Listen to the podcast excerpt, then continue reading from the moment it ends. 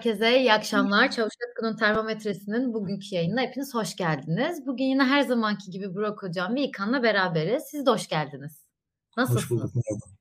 Hoş bulduk Yunus. Sen nasılsın? Ben de iyiyim. Teşekkür ederim. Tam böyle baharı aldık derken İstanbul'da kış gibi bir gün yaşıyoruz. Bugün tekrardan ben burada kaloriferlerimi yaktım gerçekten. Bu Çavuşesku'nun termometresinin tekrar yükseldiği, bizim de termometrelerimizin yükseldiği günleri beklemek istiyoruz gerçekten. Bugün yayına şöyle başlamak istiyorum. Aslında Daktilo'nun 3. yılını kutluyoruz. Ben 3 yıldır tabii ki burada değilim. Ben daha çok kısa süredir buradayım ama burada olduğum süre boyunca bile bu yaptığımız, bu bu kadar basın özgürlüğünün olmadığı bir ülkede her hafta, her gün bir şekilde yazıyla ya da görüntülü medyayla, YouTube aracılığıyla insanlara ulaşıp bir şekilde bir şeyleri anlatmaya çalışmak, onların sesi olmak, belki onlara bir şeyler, onlarla bir şeyler paylaşmak ya da gündem konuşuyor olabilmek ana akımda konuşulmayan gerçekten beni çok gururlandıran bir şey. Ama bir de sizden dinlemek isterim bunları tabii ki. 3 yıldır emek emek burada var olan her türlü her şeye karşı varlığını sürdüren yazılarına ve konuşmalarına devam eden insanlar olarak çok merak ediyorum neler düşündüğünüzü. Burak Hocam sizinle başlamak isterim. Zaten bir yazıda kaleme almıştınız.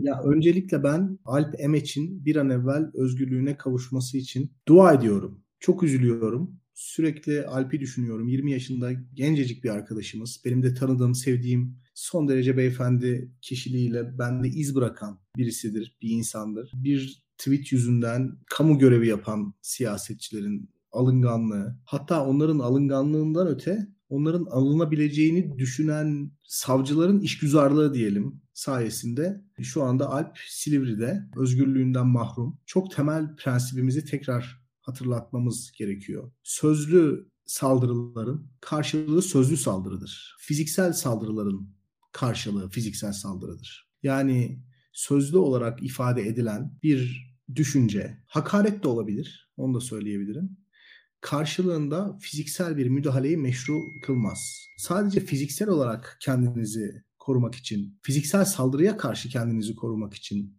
bir fiziksel saldırıda bulunabilirsiniz. Ve şüphesiz ki bir insanın bedenini alıp hiç istemediği, tercih etmeyeceği dört duvar arasına sıkıştırmak fiziksel bir saldırıdır. Bu çok temel bir prensip. Size hakaret eden birisini evinizin bodrumuna kapatamıyorsanız, yani bana hakaret eden birisini mesela Twitter'da günde onlarca kişi bana hakaret ediyor. Bu insanları teker teker evlerinden alıp evimin bodrumuna kapatmak nasıl ruh hastalığına işaret ediyorsa tweet yazan bir öğrencinin de bu tweet karşılığında alınıp cezaevine gönderilmesi aynı derecede orantısız bir tepkidir. Öncelikli olarak Alp'in bir an evvel aramıza dönmesini, özgürlüğüne kavuşmasını ümit ediyorum. Yani Daktilo'dan daha öncelikli konu bu. İkinci olarak da şanlı Ukrayna direnişini selamlıyoruz tabii ki. Bunları söyleyerek Daktilo'dan bahsetmeye başlayabilirim. Üçüncü senemizi doldurduk. Dördüncü senemize girdik. Hakikaten bir sistemi kurmak, devam ettirmek ve inatla sürdürmek çok zor bir şey. Bugün aramızda olmayan arkadaşlarımız, derneğimizin yönetim kurulu üyeleri, kurucularımız,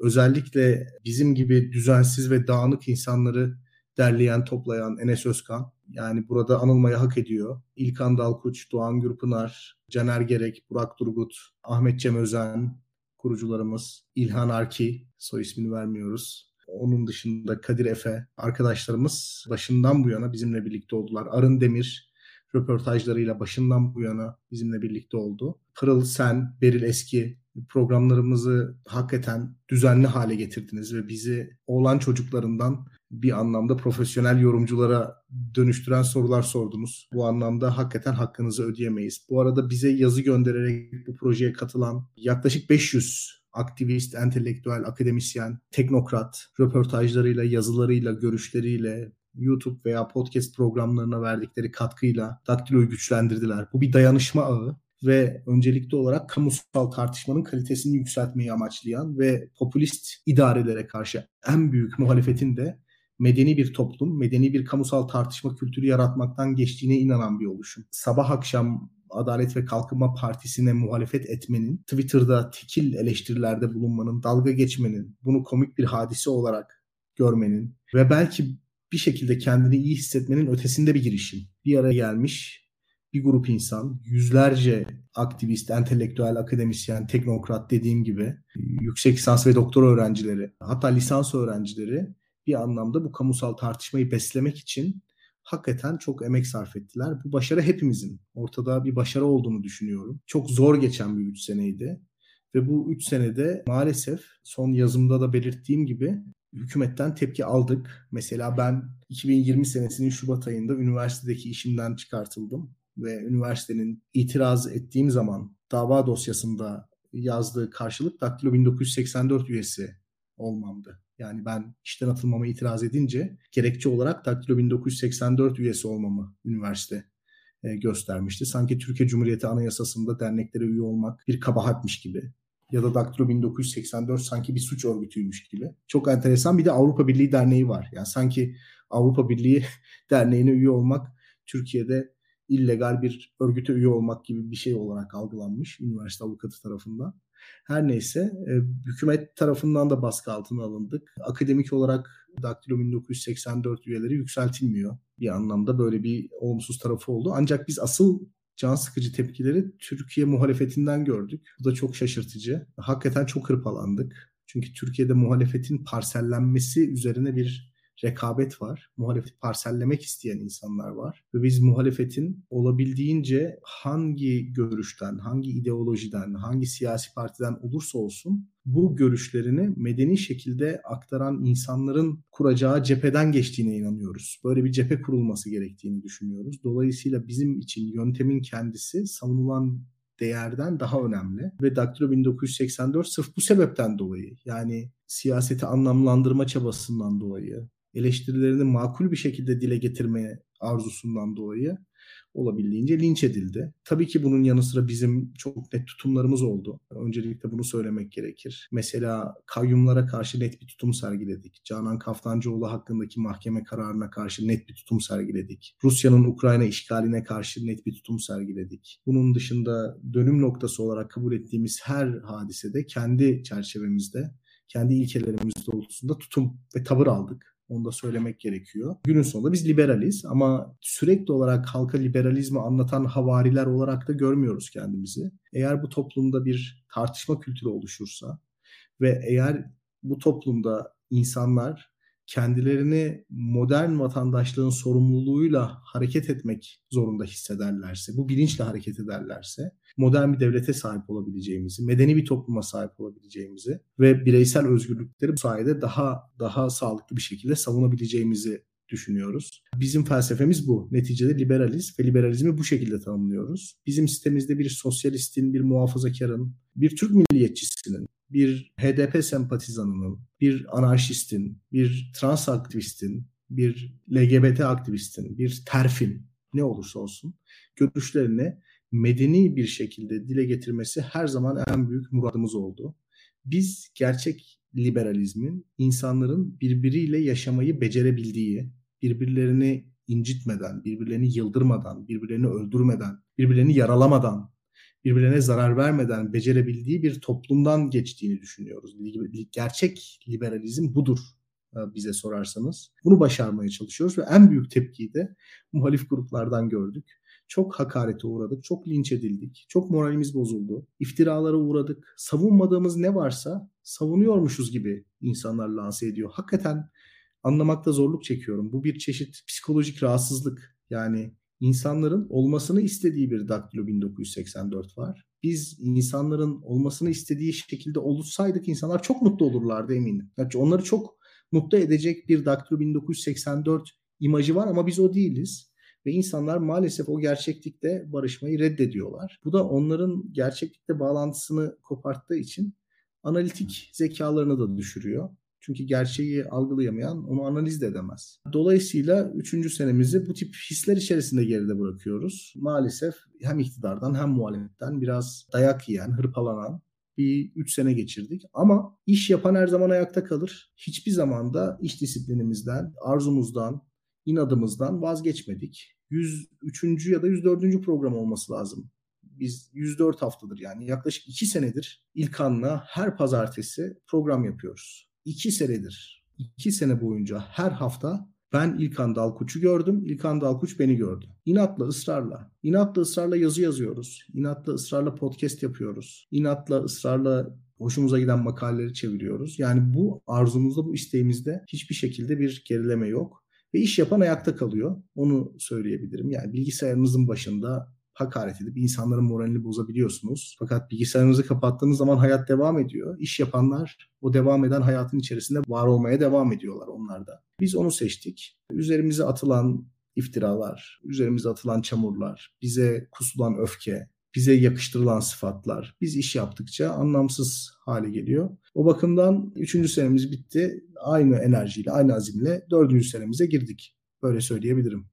Gerçekten evet yani ben dışarıdan izlerken bile çok azimli bir süreç. Yani bunca her şeye göğüs germek, her şeye rağmen bir şeylere devam etmek. Siz de söylediniz iki senedir her pazartesi İlkan'la beraber buradasınız. Bunu sadece cümlelere dökünce bile insan ne kadar gurur duyuyor anlatamam size. İlkan sen ne demek istersin Daktilo'nun 3. yaşını doldurması hakkında? Ben Öncelikle her zaman Türkiye'yi okurken, ülkeyi okurken medyaya fazlasıyla önem veren birisi oldum. Ben hayatıma gazete okuyarak başladım. Hayatımın ilk 20 yılında gazetelere çok ciddi önem verdim. Arkasından da bir, birazcık da e, olgunlaştıkça büyük bir oyun oynandığını görerek medyayı izlemekten çok ağır uzaklaştım. Ve bu bende ciddi farkındalık yarattı. Adalet ve Kalkınma Partisi döneminde ise bu işin bambaşka bir seviyeye çıktığını gördüm. Ve orada şunu fark ettim. Türkiye'de Adalet ve Kalkınma Partisi'nin son dönemlerinde özellikle artık öyle bir hatta daha ilk dönemlerinden beri başlayarak bir şöyle söyleyeyim terazide bir bozukluk gördüm terazideki bozukluksa mecraların oluşumundan kaynaklanıyordu. Bu, bu mecraların oluşumundan kaynaklanan terazideki bozukluğun karşısındaysa aslında doğru düzgün bir söylem oluşturulması yatıyor. yatıyor. Elimizde kalan tek şey bu. Yani siz doğruları bileceksiniz, siz doğruları söyleyeceksiniz, siz doğru açılardan bakacaksınız ki direnebilirsiniz. Yoksa mecralar karşı tarafın elindeyken sadece cevap verdiğiniz zaman yenilgiye mahkumsunuz. Orada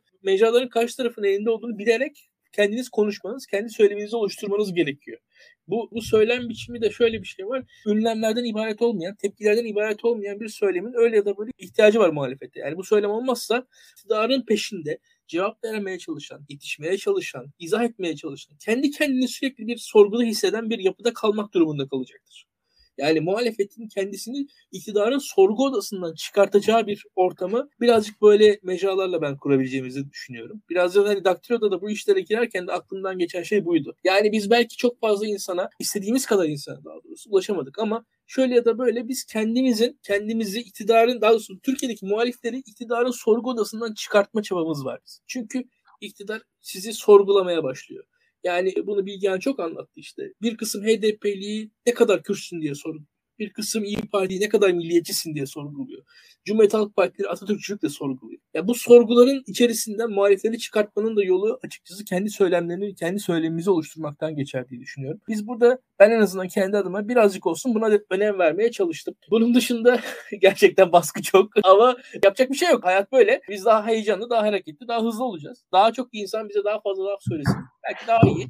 Ha şu çok kötü hakikaten. Yani hakaret o kadar sıkıntı değil ama söylemediğim bir şeyin bana söyleniyor olması o biraz rahatsız ediyor. Yani o gerçekten başka bir şey. Burada bir liberal olarak ifade özgürlüğü konusunda bu 3 yıl bana ne öğretti diye soracak olursanız bunu söyleyebilirim. Hakikaten de ben hakaretten etkilenmem. Yani bana gerçekten de hakaret edebilir birçok insan. Sıkıntı da değil yani. Ama gerçekten de şunu hissediyorum. Kişisel olarak da söylemediğim bir şeyi söylediğimi iddia edilmesi bayağı rahatsız edici bir şey. Yani mesela şeyi düşünüyorum Abdullah Gül'ün Cumhurbaşkanlığı adaylığı mesela bugün konuşuluyor. bir bakıyorum birilerinin gözünde onu destekleyen bir grup liberalden bir tanesi olarak adlandırılıyorum. Bilmiyorum ama adlandırılıyorum. Ha şu var Abdullah Gül'ün Cumhurbaşkanlığı adaylığına mesela karşı çıkan insanlar gibi karşı çıkmıyorum. O da doğru. Onu kabul ediyorum. Hakikaten ben böyle birisiyim. Ben o insanlara kadar sert değilim ama destekleyen birisi de değilim. Ama bir şekilde o sertliği göstermediğiniz zaman sizi karşı tarafa atmaktan haz duyan insanlar var ve onlar açıkçası bağırarak çağırarak da kendini tanımlayan insanlar var. Bu geçen 3 yılın bana öğrettiği şey bu oldu Pırıl. Yani özellikle şey yani hakaret falan o kadar dert değil yani. insan derisi kalınlaşıyor. Zaten benim derim kalın belli de oluyordur artık. Şurada onu hissettim. Yani söylemediğiniz bir şeyi söylüyormuş gibi sizi kodlamaları o kötü. Onu söyleyebilirim. Evet, ben bir de bir şey daha söyleyeceğim. Daktilo'nun tabii biz yaşlanıyoruz hayat devam ediyor. Yani biz Daktilo'ya katkı vermeye devam edeceğiz ama beni umutlandıran tabii daha e, genç arkadaşların da Daktilo bünyesine gelmesi ve katkı vermesi. Özellikle bana umut veren arkadaşlar var. Onların da ismini almak istiyorum. Mesela Barış ekibimizin ayrılmaz bir parçası. Şu anda Hollanda'da doktora yapıyor. Barış Ertürk. Ondan çok umutluyuz. Yine Arın'dan çok umutluyuz. Pırıl umarım uzun yıllar bizimle beraber olur. Başka temasta olduğumuz, gözlemlediğimiz, irtibat halinde olduğumuz, yavaş yavaş bünyemize dahil etmeye çalıştığımız genç arkadaşlar var. Yani biz kendimizi bu işlerden sıyıramayız herhalde. Hayatımızın sonuna kadar düşünüp yazacağız. Ama daktilo devam edecek. Böyle bir yapı. Yani özellikle biz hani kendimizle özdeşleşen bir yapı olsun istemiyoruz. Sürekli olarak yeni yüzlerin, yeni isimlerin ortaya çıkmasını, onların daktiloda önemli görevler almasını teşvik ediyoruz. Bu açıdan da bu organizmanın, öyle diyelim, bu yapının daha uzun soluklu olmasını amaçlıyoruz. Çünkü Türkiye'nin gerçekten bu kültüre ihtiyacı var. Herkes kendi mahallesinde İlkan'ın söylediği gibi ve herkes bir doğruyu kendi savunduğu biçimiyle savunulmasını istiyor. Yani yeteri kadar bağırmıyorsanız herhangi bir şeyi savunmuyorsunuz demektir yani. Herhangi bir konuda fikriniz yok demektir ve özellikle sosyal medya herhangi bir konudaki en marjinal, en çok sesi çıkan, en böyle hoyrat öyle söyleyelim ya da en vulgar argümanın makbul olduğu onun dışındaki seslerin, onun dışındaki argümanların sanki bir anlamda tutarsızlıkmış, omurgasızlıkmış gibi algılandığı bir yer. Anlatabiliyor muyum? Yani her önerme tek koşullu. İkinci bir koşul olamaz. Ama olamaz, fakat olamaz ya da farklı bir yorum olamaz. Nefretten ve sevginin dışında başka bir duygu olamaz. Ya da herhangi bir konuya duygunun dışında bir kavrayış biçimi olamaz. Mesela düşünceyle bir olguyu ele alamazsınız, kavrayamazsınız gibi bir yaklaşım var. Bunların hepsi tabii çok etkili. Mesela biz Süleyman Soylu'yu değerlendiriyorduk istifası sırasında. İşte ne diyoruz? Süleyman Soylu AK Parti içerisindeki en popüler adamlardan bir tanesi. İyi kötü siyaset yapıyor. Teşkilatlarla arası iyi. Hani diğer bakanlar sokağa çıksa tanınmaz ama Süleyman Soylu tanınır falan. İnsanların bunu algılayış biçimi e, siz program yaptınız Süleyman Soylu'yu savundunuz. Ya özür diliyorum ama hükümet beni işten atmış, işsizim, eşim hamile ve ben tutup bu hükümetin bakanını mı savunacağım? Yani aptal mıyım ben? Ya hakikaten bunu söyleyen adamın böyle bir idrak kapasitesi yok yani. Ben aptal mıyım? Yani beni işten atan hükümetin bakanını kendi kurduğum platformda savunacağım. Bir şeyi anlamaya çalışıyoruz değil mi yani? Bir olguyu anlamaya, anlamlandırmaya çalışıyoruz yani. Süleyman Soylu'yu bu kadar istifa ettiği zaman insanları sokağa çıkacak kadar sevdiren şey ne? Niçin bu adam bu kadar popüler? Niçin istifası alınamadı? Bunu anlamaya çalışıyoruz. Fakat biz X karakterine ağız dolusu küfür etmediğimiz için savunuyor gibi gözüküyoruz. Yani böyle bir anlayış. Yani şimdi bu çok tehlikeli bir şey. Yani hiçbir olguyu kavrayamayız böyle. Yani kategorik olarak nefret veya sevgi beslenmeyen bir düşünceyi hemen anında yaftaladığımız anda hiçbir hiçbir olguyu, hiçbir kavramı, hiçbir kişiyi, hiçbir olayı kavrayamayız. Çünkü hiçbir olay, hiçbir kişi, hiçbir kavram, hiçbir olgu bu kadar basit değil. Sevilecek veya nefret edilecek kadar. Yani hayatımızdaki en önemli insanlara baktığımız zaman, ailelerimize, eşlerimize, çocuklarımıza onlara karşı bile bu kadar net bir sevgi, ya da düşmanlarımızı düşünelim. Onlara karşı bile bu kadar net bir nefret besleyemiyoruz ki. Nasıl siyasetçileri, tanımadığımız insanları, tarihi kişilikleri bu kadar net şekilde adlandıralım ya da anlamlandıralım. Neyse böyle işte. Yani evet tabii ki çok fazla şey yaşandı ve olduğu için de siz de konuşmak istiyorsunuz. Çok da haklısınız işte bir şey diyemiyorum. Ya tam siz biraz önce bahsettiğiniz konudan girmek istiyorum. Bugün sizinle konuşmak istediklerim arasında Alp vardı benim de.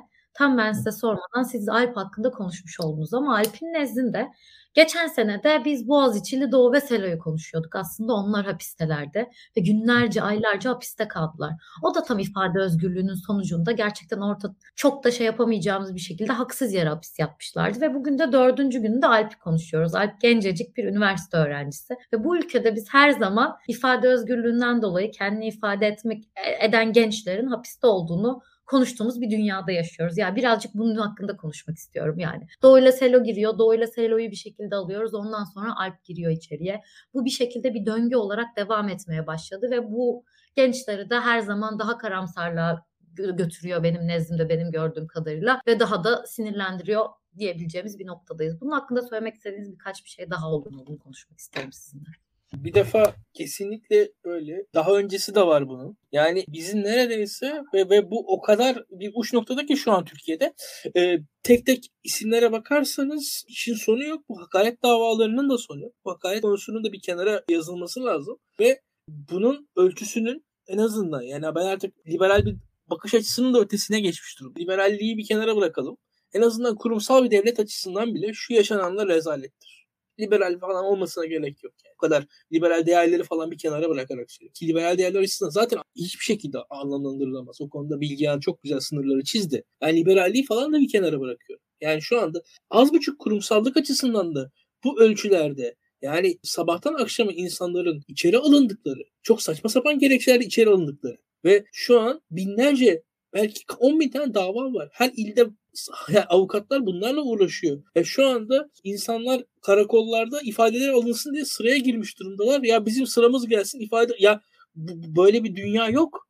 Bu, bu dünya kabul edilebilir bir dünya değil bir defa. Yani. Çok korkunç bir noktadayız biz. Fena halde üzülüyorum çünkü ne yazık ki alışıyoruz. Buna alışılmaz. Açıkçası şu olan bitene senin dediğini de düşündükçe açıkçası içimde bir anda daha da netleşti.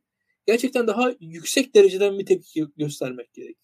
Yani gerçekten yüksek. Belki buradaki tüm hakkında dava açılan bu ifade özgürlüğü konusunda insanlar bir araya gelirler, bir eylem yaparlar, bir şey olur. Yani birazcık daha büyük boyda, birazcık daha büyük bir dalga ile, büyük bir toplumsallıkla bir farkındalık yaratılması gerekir diye düşünüyorum. Böyle şimdi diğer tarafında yargının nasıl işlemediğini görüyoruz. Cezaevlerinin nasıl dolduğunu, boşaldığını görüyoruz Türkiye'de. Şu anda hani bir yandan mahkum sayımız doruklarda, bir yandan hani birçok adi suçlu dışarıda. Böyle saçma sapan bir durumda şu an Türkiye ama bir yandan da hakikaten insanlar ya benim arkadaşlarım Pırıl yani trafik cezası olmayan insanlar hepsi gayet iyi biliyorlar. Karakola nasıl gidilir? ifade nasıl verilir? İşte tebligat gelmiş şöyle olmuş böyle olmuş. Geçen gün bir tanesi şey diyor arkadaşıma. Sen heyecanlanmadın ya diyor ne oldu falan diyor. Benim altıncı gelişim falan. Ya şimdi hakikaten tecrübeli vatandaşlar haline geldik. Korkunç bir şey bu. Yani biz en azından hani benim gerçekten hani karınca inmiş ama böyle adli işlemleri falan bilen hukukla hukukla alakası olmayan arkadaşlarım var artık şu anda. Yani bu, bunu kabul edebilmem mümkün değil. Gerçekten de burada Bilgehan yine onun bir sözüne referansla gideyim. Bu Türkiye'nin asla marjinali olmayacak. Bu Türkiye'nin asla normali normali olarak kabul edilmiyor. Bu insanları marjinal olarak saymıyoruz. Bu insanlar Türkiye'nin normalidir. Bu insanlar Türkiye'deki gayet hukuka saygılı, kimseye şiddet uygulamamış anlaşlarımızdır. Biz bu insanların yanındayız. Korkunç bir şey bu. Korkunç bir şey bu. Ve şöyle söyleyeyim. Buna karşı tepkimizin artması gerekiyor. Demek ki öyle. Ya kesinlikle ki, öyle bir noktaya gelmemiz gerekiyor İlkan demek ki yani. Ya, ya şöyle bir şey var Pırıl öyle bir durumdayız ki. İnan ben mesela işte Daktilo'da yorumcularımıza işte avukat telefonları verelim. Şimdi biz bunu yaptık. Onun dışında benim arkadaşlarım var. İşte avukat tanıdığım var mı? Kime ne yapıyorsun falan. Yani artık herkes onu öğrendi. Yani bir jargonu falan öğrendi. Şimdi biz mesela işte Nebiye'ye ne oldu falan diye biz yaşadık o çekimler sırasında. Sağ olsun Enes orada yardımcı oldu. Yani bayağı ki yani Nebiye de aynı şekilde bizim işte içimizdeki insanlardan. İşte Yunus Emre de öyleydi. Büşra da öyleydi. Arada daktile gelmiş gitmiş insanlara da bir selam verelim. Ya, evet, evet, Nebiye'nin evet. halini düşünüyorum ben şu anda. Yani Nebiye yani Nebiye'nin neden bir adli işi olsun? çekim yapan gazeteci, haberci bir insan. Yani hani Nebiye'nin hiçbir şekilde ne bir şiddetle alakası var. Hakaretle falan zaten onun hiç alakası da yok ya bir yandan. Düşünüyorum. Bir yandan da polisle bir işi oluyor Nebiye'nin yani. Ya şimdi sen söyleyince şey oldum İlkan. Bu geçen sene 2021 Ocak ilk Boğaziçi eylemlerinin başladığı zaman Clubhouse patladı. O zaman o kadar fazla arkadaşımızın kapısına gidip ifadeler alınmak istendi ki herkes birbirine bir polis geldiği zaman ifadeniz istendiğinde nasıl davranmalısınız? Önce kimi aramalısınız? Nasıl ifade vermelisiniz? Bütün insanlar birbirine bunu anlatıyordu ve ülkede çoğu insan bir ifade sırasında ne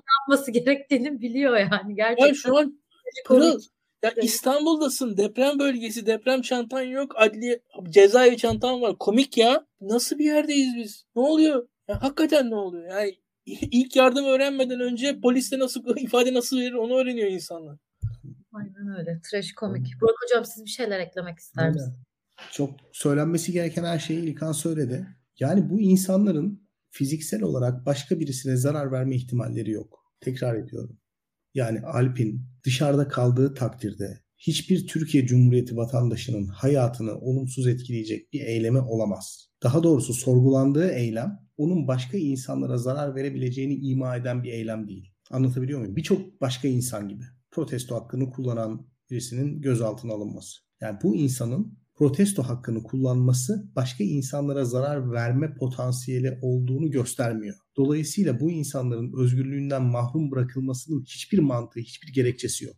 Bu ne zaman daha can acıtıcı oluyor biliyor musunuz? Gündelik hayat şiddetini artık karakterinin bir parçası haline getiren, bunu normalleştiren insanlar akıllı telefonların yaygınlaşmasıyla beraber iyice gözümüzün önüne gelmeye başlıyor. Ve bu insanların işte başka insanlara saldırmaları, başka insanların arabalarının aynalarını kırmaları, ne bileyim işte eşlerine saldırmaları, kadına yönelik şiddet uygulamaları bunların hepsi gözümüzün önüne geliyor. Ve bu insanların mahkemelerce serbest bırakıldıkları ortaya çıkınca Alp gibi insanların tutuklanması daha can acıtıcı bir hale geliyor. Yani başka insanlara zarar verme potansiyeline sahip olan kişiler tutuklanmıyor.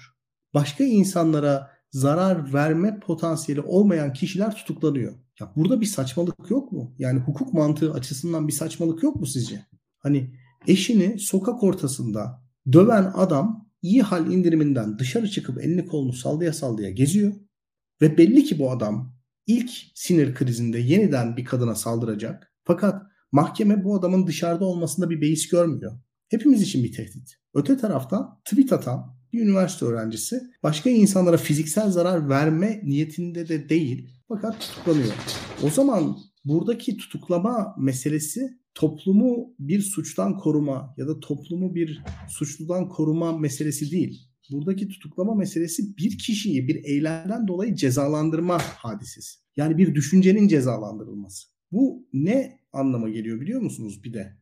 Belli bir düşüncenin keyfi olarak cezalandırılması, belli bir düşüncenin de keyfi olarak masumlaştırılması anlamına geliyor. Yani Alp'in düşüncelerinin ya da diğer üniversite talebelerinin düşüncelerinin mahsurlu olması, düşüncesi mahsursuz olduğu için bazı suçlu insanların da masumlaşması anlamına geliyor. Ben vatanın milletin öz evladıyım. Teröre karşı devletimin yanındayım. İşte bu ülkenin işte bütün milli manevi değerlerine saygılıyım diyen birisinin de suç işleme özgürlüğünün de yolunu açıyor aslında. Objektif kriteri yok çünkü suçun. Yani suçun objektif kriterini ortadan kaldırdığınız zaman keyfi olarak bu adamın düşüncesi hoşuma gitmiyor at içeri. Bu adamın düşüncesi hoşuma gidiyor çıkart içeriden sal sokağa gibi bir durum ortaya çıkıyor. Yani bu dediğim gibi yani liberal teori siz bize normatif, fantastik bir şey sunmuyor. Aslında devletin özüne ilişkin, devletin rasyonalitesine ilişkin de bir düşünce silsilesi sunuyor.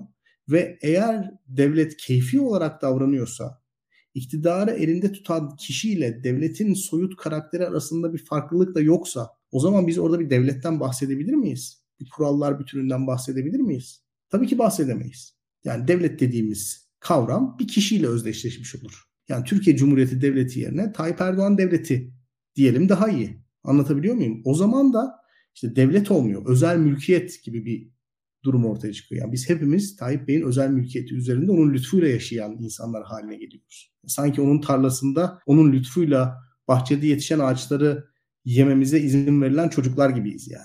O hoşgörülü davrandığı için giriyoruz. Kızdığı zaman çıkacağız. Böyle bir şey. O yüzden hani bu, bu konuları çok tartışabiliriz, çok konuşabiliriz. Ya İlkan'ın son söylediğine katılıyorum. Normal olan bir Türkiye Cumhuriyeti vatandaşının onurlu bir şekilde haklarını hayata geçirmesidir, konuşmasıdır, sokağa çıkmasıdır, protesto etmesidir, başka insanlara zarar vermeden haklarını kullanmasıdır. Bu normal olandır. Marjinal olan ise bürokratların, yargı mensuplarının, emniyet mensuplarının bir partinin görevlisiymiş gibi onun siyasi ikbalini düşünerek kanunların dışına çıkarak hareket etmesidir. Bu partizanlıktır. Normal olan Alp Emeç'tir. Partizan olan Alp'i Silivri'de zindana tıkan yargı görevlileridir. Ya kesinlikle katılıyorum. Buradan aslında birazcık da muhalefete geçiş yapmak isterim. Yani bu vesileyle Alp'in tutuklanmasından sonra, dört günlük şeyinden sonra Bahadır Hoca, Bahadır Erdem tekrar Cumhurbaşkanlığına hakaret suçunu kaldıracağız gibi söylemleriyle söylemler yapmaya başladı en azından ben tweetlerini okudum. Bu vesileyle belki bu altılı masadan ya da muhalefet partilerinden ifade özgürlüğüne karşı, demokratikleşmeye karşı ya da yargının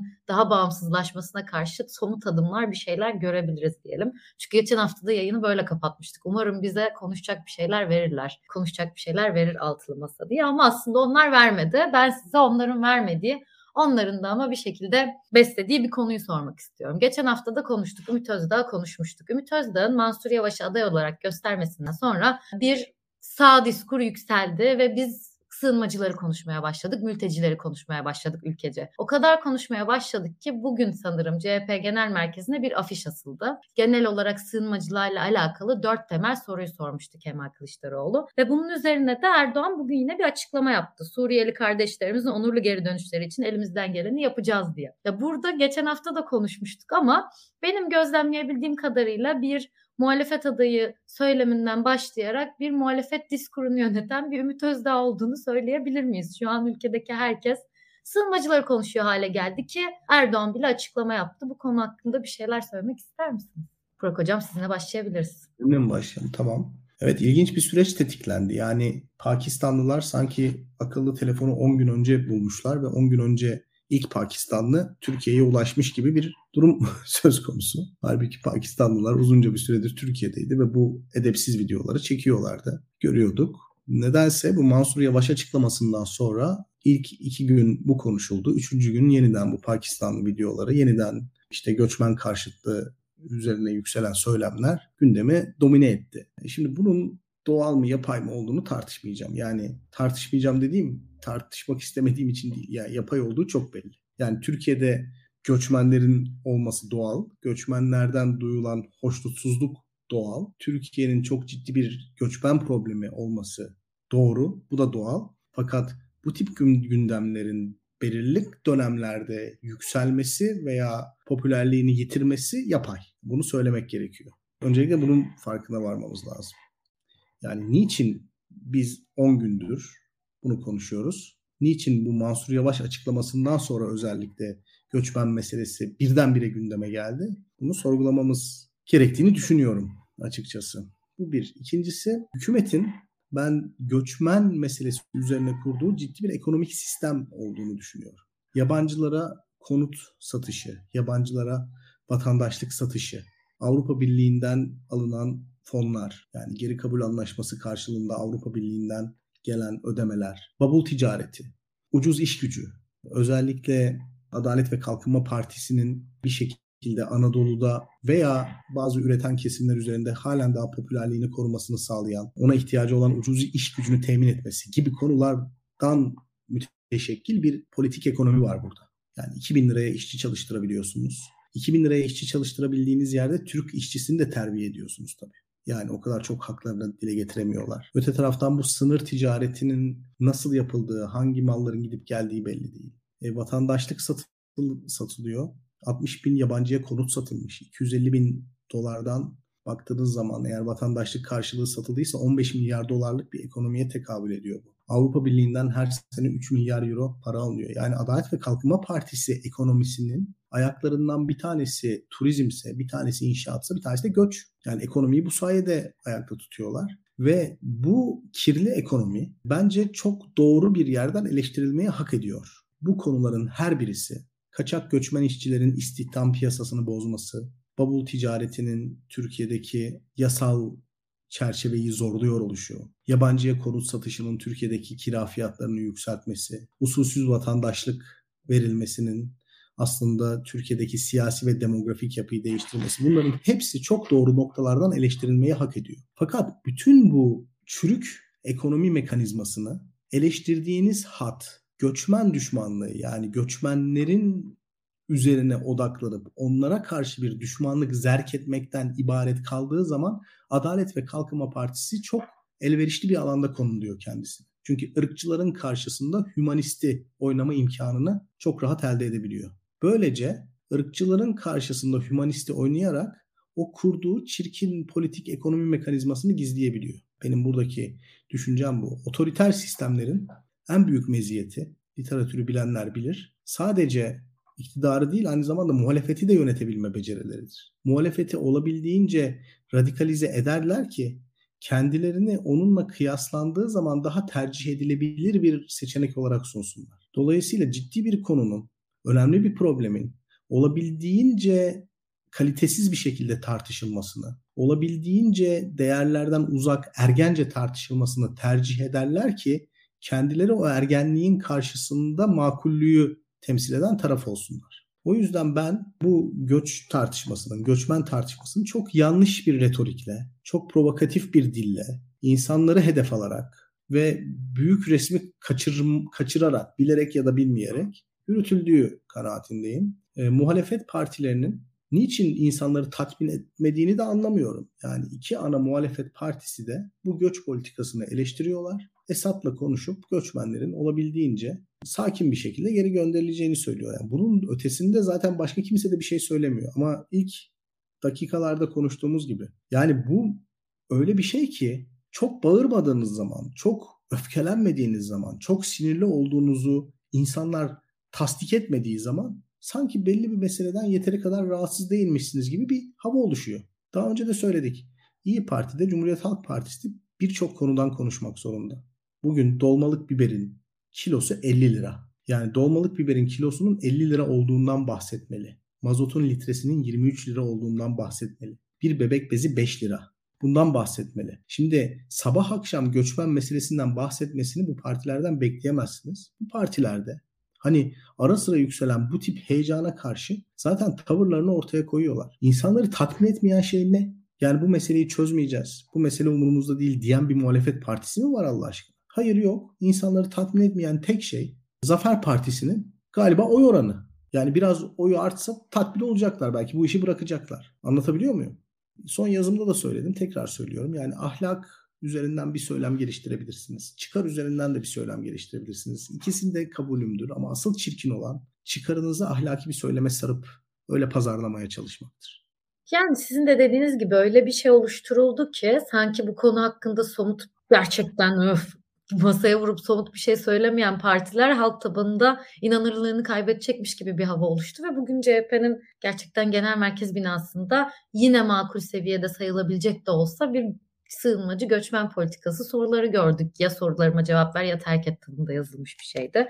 Onun dışında Erdoğan konuşmaya başladı. Dediğim gibi şu anda sizin dediğiniz şeyleri konuşuyor olmamız gerekiyorken bebek bezinin 5 lira olması, patlıcanın kilosunun 48 lira olması gibi şeyleri konuşacakken aslında gündemimiz buraya kaydı. 10 gündür buradayız ve önümüzdeki günlerde olacak gibi duruyoruz. İlkan sen ne düşünüyorsun bu konu hakkında? Şimdi başta zaten şunu demiştim bu daktiloyu kurma sebebimiz, burada yayın yapma sebebimiz mecraları hükümetin belirliyor olması, o mecraların sahibinin hükümet olması, onun arkasından da o gündemin peşinden koşturduğunuz zaman da sizin aslında muhalif bir söz söyleseniz dahi aslında yani gündeme, gündemin ateşine bir şekilde odun taşıdığınız için hükümetin yanında öyle ya da böyle istemeden hani şöyle diyelim objektif olarak yer almış oluyorsunuz. Böyle bir durum var. Fakat bu demek değildir ki ortada sorun yok. Demek ortada gayet net sorunlar var Türkiye'de. Ortadaki sorunlar var ama şu an genelde bizden istenen şey şu. Bizden istenen daha ziyade öfke, kızgınlık, bağırmamız, çağırmamız. Ba yeterince bağırmayan, çağırmayan. Hatta şöyle bir şey var. Bazı insanlar var. Aynı sözleri şöyle söyleyeyim. Mimlenmiş insanlar var. Aynı sözleri o birisi söylediği zaman ne güzel. Bir diğeri söylediği zaman aman tanrım hain diye yaptılanabilir iyice komik bir noktaya gitti bu konu. Bunu bir kenara koyuyorum. Şöyle bir durum var. Türkiye'de gerçekten de sorunlar var ve bu sorunların hala bir demokrasiysek çözümü şudur. İlk başta hükümetin sorumluluğu olarak ortaya koyacağız. Şu an Türkiye'nin belli politikaları var. Politikaların arkasındaki ekonomik gerçekleri konuşmamız gerekiyor. Yani Türkiye'nin gerçekten de bence Adalet ve Kalkınma Partisi'nin bir göçmen politikası var. Adalet ve Kalkınma Partisi'nin bu kur politikasının bir parçası bence. Hatta Adalet ve Kalkınma Partisi'nin kur politikasının içerisinde bu göçmen Bence Adalet ve Kalkınma Partisi'nin atıyorum verdiği hazine garantileri yani İstanbul 3. Havalimanı, 3. Köprü'ye o kadar acayip hazine garantileri veriyor. Çok mantıksız. 10 milyonluk İstanbul için çok mantıksız ama 30 milyonluk İstanbul için belki mantıklı. Şu anki 500 binlik bir Çanakkale için mantıksız olan köprü belki 5 milyonluk bir Çanakkale için mantıklı. Yani bilmiyoruz. Şimdi ben bunları beraber okuyorum. Şimdi hiç kimse de böyle bir şey düşünmüyor bile. Yani Allah Allah ha, mülteciye kızıyoruz. Göçmene kızıyoruz. Çok güzel. Kız yeterince bağırmayanı söyle ama birazcık daha birkaç adım daha düşünelim. Bir şeyler koyalım ortaya. Yani birazcık bu konuları tartışalım. Acaba ne, neden bu karşımızda politikası olan bir hükümet mi var acaba? Acaba bizim hükümetimiz hakikaten maruz mu kalıyor? Yoksa politikası mı? İşte yani burada bir irade mi var arkada? Biz bunu görelim. E, dikkat edelim. Yani Türkiye'de Milli Güvenlik Kurulu bir bildiri yayınladı. Dolar 20 liraya doğru yükseldiği sıralarda hükümete destek vermek için bildiri yayınladı Milli Güvenlik Kurulumuz. Türkiye bağımsızlık ekonomik yolda ilerliyor diye. Acayip bir şey. Bir ekonomik tercihler yapıyor şu anda Türkiye'nin hükümeti. Bir düşük faizle beraber yüksek kur, değersiz TL, değersiz TL ile beraber emek maliyetlerinin yerlerde sürünmesi. Yani bizim fakirleşmemiz üzerinden bir ekonomi kurgulanıyor şu anda. Bunlar ekonomik tercihler. Göçmen politikası da bu tercihlerin parçası. Gayet açık gözüküyor. Ya bunları böyle konuşmaktansa bağıralım çağıralım. Şunu söyleyeyim. Yarın iktidara gelindiği zaman yapılabilecek şeyler zaten belli. Kimsenin yapamayacağı şeyleri bağırarak çağır, daha fazla bağıran çağıran zaten yapamaz. Burada olup olabilecek şey belli. Ne, ne olacaksınız? Ne yapacaksınız? Yani daha ilerisi toplama kampı mı kurulacak? Ne yapacak? Yok böyle bir şey. Öyle bir noktaya geldik ki anlamıyorum. Yapılacak şeyler belli. Bunun olan bitenin adı dostları konmuyor. Olan biten adını koyarsınız. Daha üzerinden parçalarsınız. Batı ile ilişkilerini, Doğu ile ilişkilerini, Türkiye'nin kendi içinde bu işin paydaşlarını ortaya koyarsınız. Bilmiyorum yani ben açıkçası şöyle söyleyeyim. İnsanlar evet öfkeliler, evet kızgınlar. Kendilerini en hakiki muhalif sanıyor tüm muhaliflerimiz. Herkes çok haklı. Herkes çok öfkeli. Haklı olduğu kadar öfkeli, öfkeli olduğu kadar da haklı zannediyor kendisini. Ancak hayat daha komplike, karmaşık olabilir bazen. Bir iki adım daha geriye gidip birazcık daha düşünmek gerekebilir diye düşünüyorum. Karşımızdaki herkesi anında, hızla, çok çabuk ve mütemadiyen hain olarak yaftalamamak lazım. Yani orada bazı konularda sizden iki iki ünlem işareti daha sessiz olan insanlar sizden daha az vatanı seviyor, seven insanlar değiller. Türkiye kadar aynı fikirde olmadığı insana hain diyen başka bir ülke var mıdır acaba ya? Çok merak ediyorum. Yani hoşuma gitmeyen her fikre insanlar vatan haini olarak cevap veriyorlar. Yani iki Alman anlaşmazlığa düştüğü zaman biri diğerine vatan haini diyor mu acaba? İki İngiliz bir konuda münakaş ettiği zaman mesela Brexit yanlısı bir İngilizle Brexit taraftarı bir İngiliz böyle Twitter'da sen vatan hainisin falan diyerek mi münakaşa ediyorlar?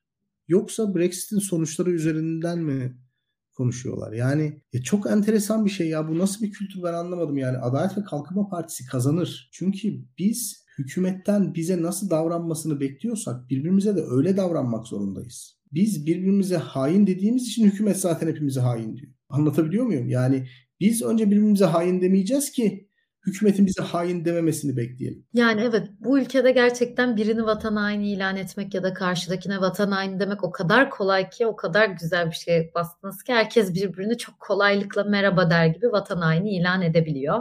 Bu 20 yıldır da böyle süren bir düzendeyiz. O yüzden de birbirimize toleransımız yok ve direkt vatan haini ilan ediyoruz. Ama yeni şeye geçmeden ben İlkan'ın söyledikleri üzerinden birazcık zam konuşmak istiyorum sizinle. Çünkü bu göçmen politikasının altında yatan başka nedenler olabilir dedi. Bu aslında benim ilgimi çeken daha önce de düşünmediğim bir noktaydı İlkan. Yani çok fazla hazine garantili şey yapıldı. Çanakkale köprülerinden 3. köprülere, onlardan havalimanlarına ve bir şekilde nüfus artışıyla buradaki ev satışlarıyla ya da şeylerle bunların belki de bir şeyleri çıkarılabilecek. Bu da çok önemli bir noktaydı.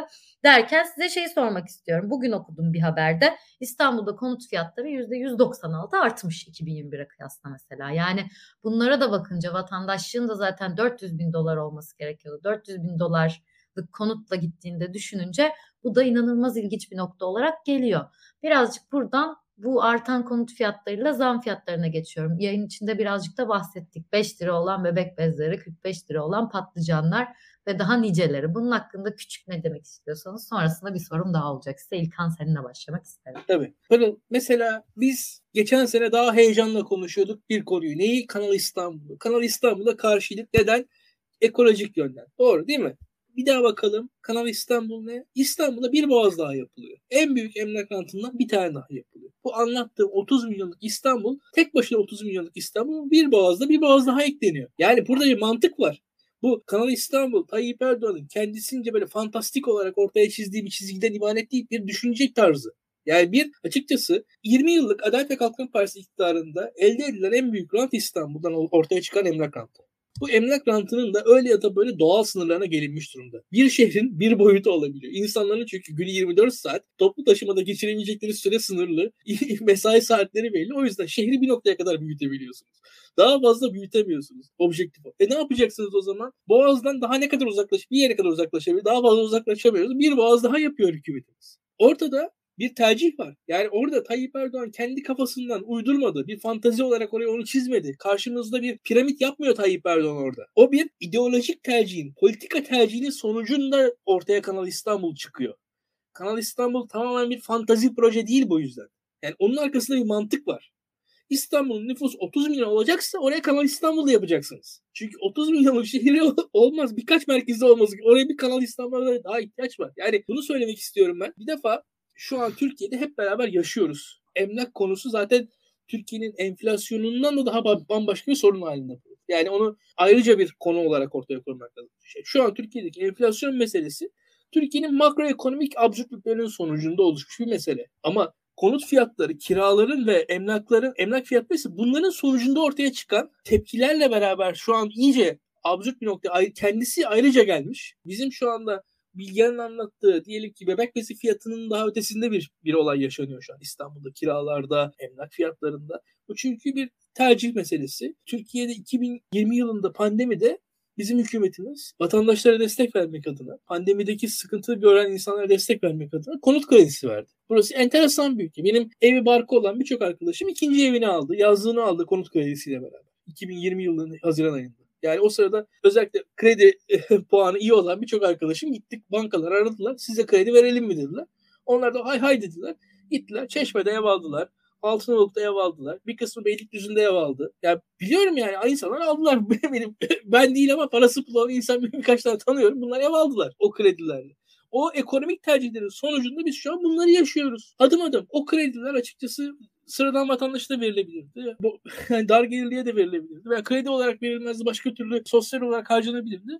Hükümetiniz bunu tercih etmesi. Amerika'da hükümet biliyorsunuz çek dağıttı. Özellikle marketlerde şey olsun diye her vatandaşına pandemi sırasında. Bizim hükümetimiz öyle bir şey yapmayı tercih etmedi pandemi sırasında ekonomiyi canlandırmak için. Böyle bir şey yapmayı tercih etti. Biz bunu da bununla karşılaştık diye düşünüyorum ben. Şu an yaşadığımız diğer yayınlarda da söyledik. Başka yerde de belirttik. Vatandaş meselesiyle konut arasındaki ilişkinin ben acilen durdurulması gerektiğini düşünüyorum. Acilen diğer yayınlarda da söyledim bunu. Şu aşamada çünkü konut fiyatlarını daha da yükseltecek olan bu rantı daha da büyütecek olan bu vatandaşlık dopingine ihtiyacı yok bunun zaten. Onun haricinde de şu var. Şu anki konut fiyatlarının artışının bir de şöyle bir sebebi var ne yazık ki. Elinde az ya da çok belli bir birikimi olan insanların yatırım yapma imkanları kalmamış durumda şu anda. Konut fiyatlarını arttıran şey en bir tanesi de o şu an. Ülkemiz zaten pek tasarrufun imkanlarının kısıtlı oldu. Yani şöyle bir durum var. Senin tabii ki şu şartlarda kimse tasarruf yapamıyor ama diyelim ki tasarruf yapabiliyorsun ve ayda 5000 TL bir kenara koyabiliyorsun bir konut alma imkanı yok artık o parayla. Ama daha doğrusu şöyle bir şey var. O parayı bankaya koyma imkanı yok daha doğrusu. Veyahut da şöyle söyleyeyim ben sana. Yeğenlerinden bir tanesi ne diyelim sen harçlık verdin. 200 TL. Diyecek ki sana işte e, hala ben bu parayı nasıl harcayayım? Sen onu tasarrufla harca dersen şu anki ekonomik şartlarda yanlış bir tavsiyede bulunmuş olacaksın. Çünkü tasarrufla harcarsa çocuk o parayı daha az şey alabilecek. Çabucak harcarsa daha fazla şey alabilecek. O kadar gerçekten ekonomimiz hakkında çok bir şey düşünemediğimiz şeylerdeyiz. Yani çok çok genç çalışıyorum. 3 yıllık bir çalışma hayatım var ama ev alacağım bir dünya olduğunu düşünmüyorum. En azından ekonomi böyle giderse önümüzdeki 10 yıl. İlginç bir şey içindeyiz. Hocam siz de son birkaç bir şey eklemek ister misiniz ekonomi konusunda? Çok son bir tane daha sorum var. Belki bir şey söylemek istersiniz diye gitmeden. Yok. Tabii sor, sor sen sorunu. Hepsini beraber cevap. Sorumla alakalı chatte de çok soru olarak gelmiş de hep konuşuyoruz ya altılı masa bize bir isim vermeli mi artık bir aday diye. Biz aslında date'lerimize çıktığımızda bile biri yazmış geçen ikili date'te bile aday konuşuyoruz. Biz altılı masa nasıl aday konuşmuyor kendi arasında diye. Bunun hakkında bir şey söylemek ister misiniz? Bugün yine Abdullah Gül'ün adaylığıyla alakalı sanırım Levent Gültekin bir açıklama yaptı da onunla alakalı söyleyeceğiniz bir şey var mı diye merak ettim. Altılı Masa'nın zaten kuruluş amacı adayı önemsizleştirmek üzerine altılı masa felsefesi daha maksimal hedefler ortaya koyarak parlamenter sisteme geçiş gibi adayın kişiliğini, kimliğini önemsizleştirmeye çalışan bir mekanizma. Altılı masadan bizi tatmin edebilecek bir isim beklememek lazım. Yani bu masa onun için kuruldu zaten. Bu altılı masanın alternatifi iktidara geldiği zaman nasıl yöneteceğine dair bir eylem planı cebinde olan, atayacağı bürokratları seçimden önce halka tanıtan ve siyaset yapma yeteneği yüksek olan bir aday.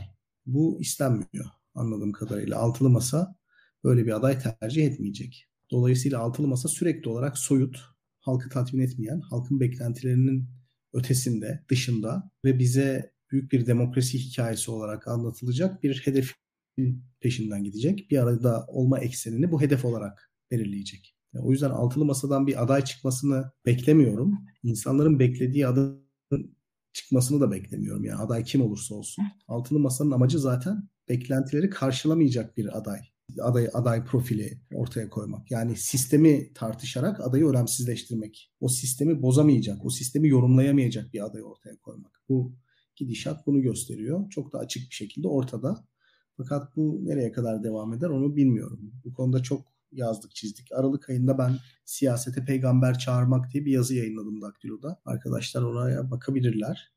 Ekonomi konusunda da İlkan'ın söylediklerine tamamen katılıyorum. Ben Daktilo'nun ekonomisiyle ilgili bir şeyler söyleyip programı kapatalım istiyorum. Bizim işbirliği yaptığımız kurumlar var ama tabii Patreon gelirlerini de çok önemsiyoruz. Çünkü Patreon gelirleriyle Daktilo 1984 çok önemli işler yaptı. Bunları çok bağırarak, çağırarak yapmıyoruz. Mesela hayatın bu da bir cilvesi. Boğaziçi meselesinde en çok üstüne gelinen kurumlardan bir tanesi sanırım biziz. Çünkü protestoların usulüne dair bir şeyler söyledik ve bu bazı arkadaşları tatmin etmedi. Sanki biz Boğaziçi meselesine üzülmemişiz ve Boğaziçi meselesini sahiplenmemişiz gibi birçok özellikle devrimci soldan gelen eleştiri oldu. Ama Daktilo 1984 gizliden gizliye birçok iş yaptı. Mesela Patreon gelirlerimizin tamamını biz geçtiğimiz sene e, bu protestolarda KYK bursu kesilen Boğaziçi öğrencilerine bağışladık. O yüzden Patreon geliri bizim için çok önemli. Bununla beraber Ukrayna'da savaştan kaçıp ülkemize sığınan çocuklara yine bu gelirlerimizle, öz kaynaklarımızla yani psikososyal destek